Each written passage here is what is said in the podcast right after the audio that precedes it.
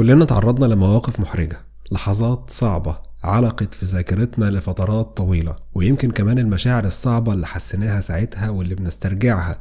كل ما نفتكر المواقف دي. حتى لو موقف بسيط زي إنك كنت لابس حاجة متوسخة مثلا وأنت مش واخد بالك في الشغل واعتقادك إن كل زمايلك لاحظوا أو إنك وقعت في الشارع أو اتلجلجت في الكلام أو غيرها من المواقف اللي حسيت فيها بالإحراج من اللي حواليك. غالبا سبب رئيسي لمشاعر الإحراج دي هي إنك حسيت إن كل الناس أخدت بالها أو إن الناس دي ركزت في الموقف جدا لدرجة إنها مش هتنساه ابدا وهتفضل تفتكره ليك طول العمر. والصادم هنا زي ما هنشوف إن معظم الناس دي أصلا ما لاحظوش اللي حصل ابتداء المشكلة الأكبر إن المواقف دي بتخلي عندنا ضغط أكبر في مخالطتنا اليومية للناس وأحيانا بتخلينا نتكلف في طريقة كلامنا أو سلوكياتنا أو على الأقل حريصين زيادة أو عندنا وعي ذاتي زائد عن اللازم. لو ماشي في الشارع حاسس إن كل الناس باصه عليك ومركزة معاك لو قاعدة في الجامعة أو في النادي حاسة إن كل الناس مركزة عليكي لدرجة إنك ممكن تشكي في نفسك أو تسألي حد هو أنا فيا حاجة غريبة؟ حاسة إن كل الناس عمالة تبص عليا. الظاهرة دي اسمها spotlight effect أو إحساسك بتسليط الضوء عليك. أنا أحمد عبد الدايم وأفكار الحلقة دي من سلسلة أفيدونا من كتاب معتمده على كتاب أوهام العظمة لجيسون نجم مع بعض المصادر الأخرى اللي هتلاقوها في ال description الظاهرة دي تقريبا كلنا بنعاني منها بدرجات متفاوتة وممكن تكون نواة أو عرض لأمراض نفسية ممكن تؤدي في الآخر لهوس. في واحدة من التجارب اللي أجراها عالم النفس الأمريكي توماس جلوفيتش سنة 2000 كان محتاج يحدد بالظبط هل إحنا فعلا متراقبين طول الوقت ولا إحنا بنبالغ في تقديرنا لاهتمام الناس بينا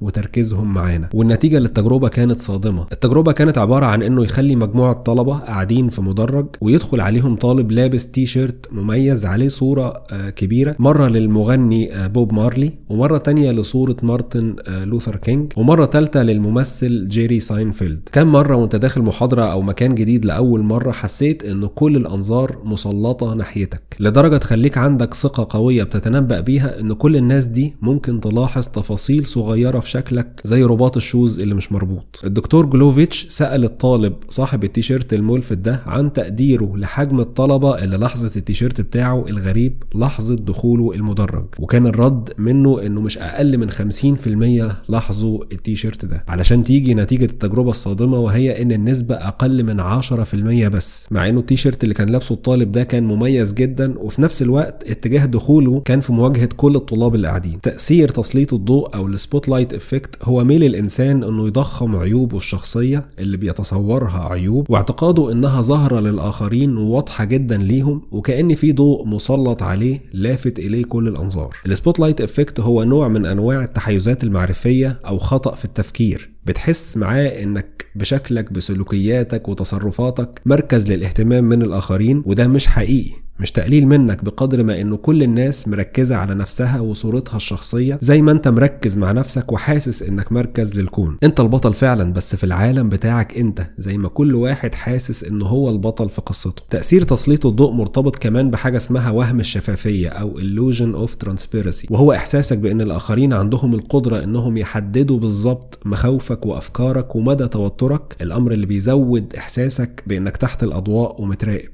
افتكر دايما إنه محدش عنده المقدرة على قراءة الأفكار أو إنه يعرف مشاعرك على وجه الدقة إلا لو اخترت إن أنت تشارك ده معاه. طب إزاي نتعامل مع الإحساس ده؟ القلق المستمر من إنك تحت الأضواء بيضعف من ثقتك في نفسك وقدرتك على التعامل مع الآخرين أو ما يعرف بالقلق الاجتماعي. في حين إنه قبولك إنه ده جزء من طبيعتك البشرية طبعا بالقدر المتزن المعقول هيساعدك تتغلب على القلق المصاحب ليه بالإضافة للخطوات اللي هنقولها دلوقتي. اولا فكر نفسك ان كل شخص عنده نفس القلق من الاضواء المسلطة عليه عنده نفس المخاوف والتوتر المصاحب لصورته قدام الآخرين حتى لو ده مش ظاهر عليه. افتكر وهم الشفافية اللي اتكلمنا عليه من شوية وإن كل واحد مركز مع نفسه ولو عايز دليل اسأل نفسك. كم مرة لاحظت تفاصيل خاصة بالآخرين زي مثلا زميلك في الشغل كان لابس إيه النهارده؟ وبالتالي لما تفكر نفسك باستمرار بالأضواء اللي كل واحد شايفها متركزة عليه هتخفت حدة الأضواء اللي أنت شايفها متركزة عليك. ثانيا حاول تاخد الأمور ببساطة. لو حصل ولقيت حد لاحظ خطا عملته أو سلوك غريب أو مختلف اتصرف ببساطة. خفف من التوتر بملاحظة مرحة أو ابتسامة. الناس فعلا ممكن تفتكر الموقف بعد كده لكن معاه هيفتكروا إنك كنت إيجابي ومرح وبسيط في التعامل معاهم أخيرا ولو معرفتش تواجه الموضوع بنفسك وحسيت إنه فعلا مأثر على إنتاجيتك وعلاقاتك مع اللي حواليك مهم جدا إنك تفكر بشكل جدي في اللجوء لحد مختص يساعدك في التغلب على المخاوف والقلق المستمر.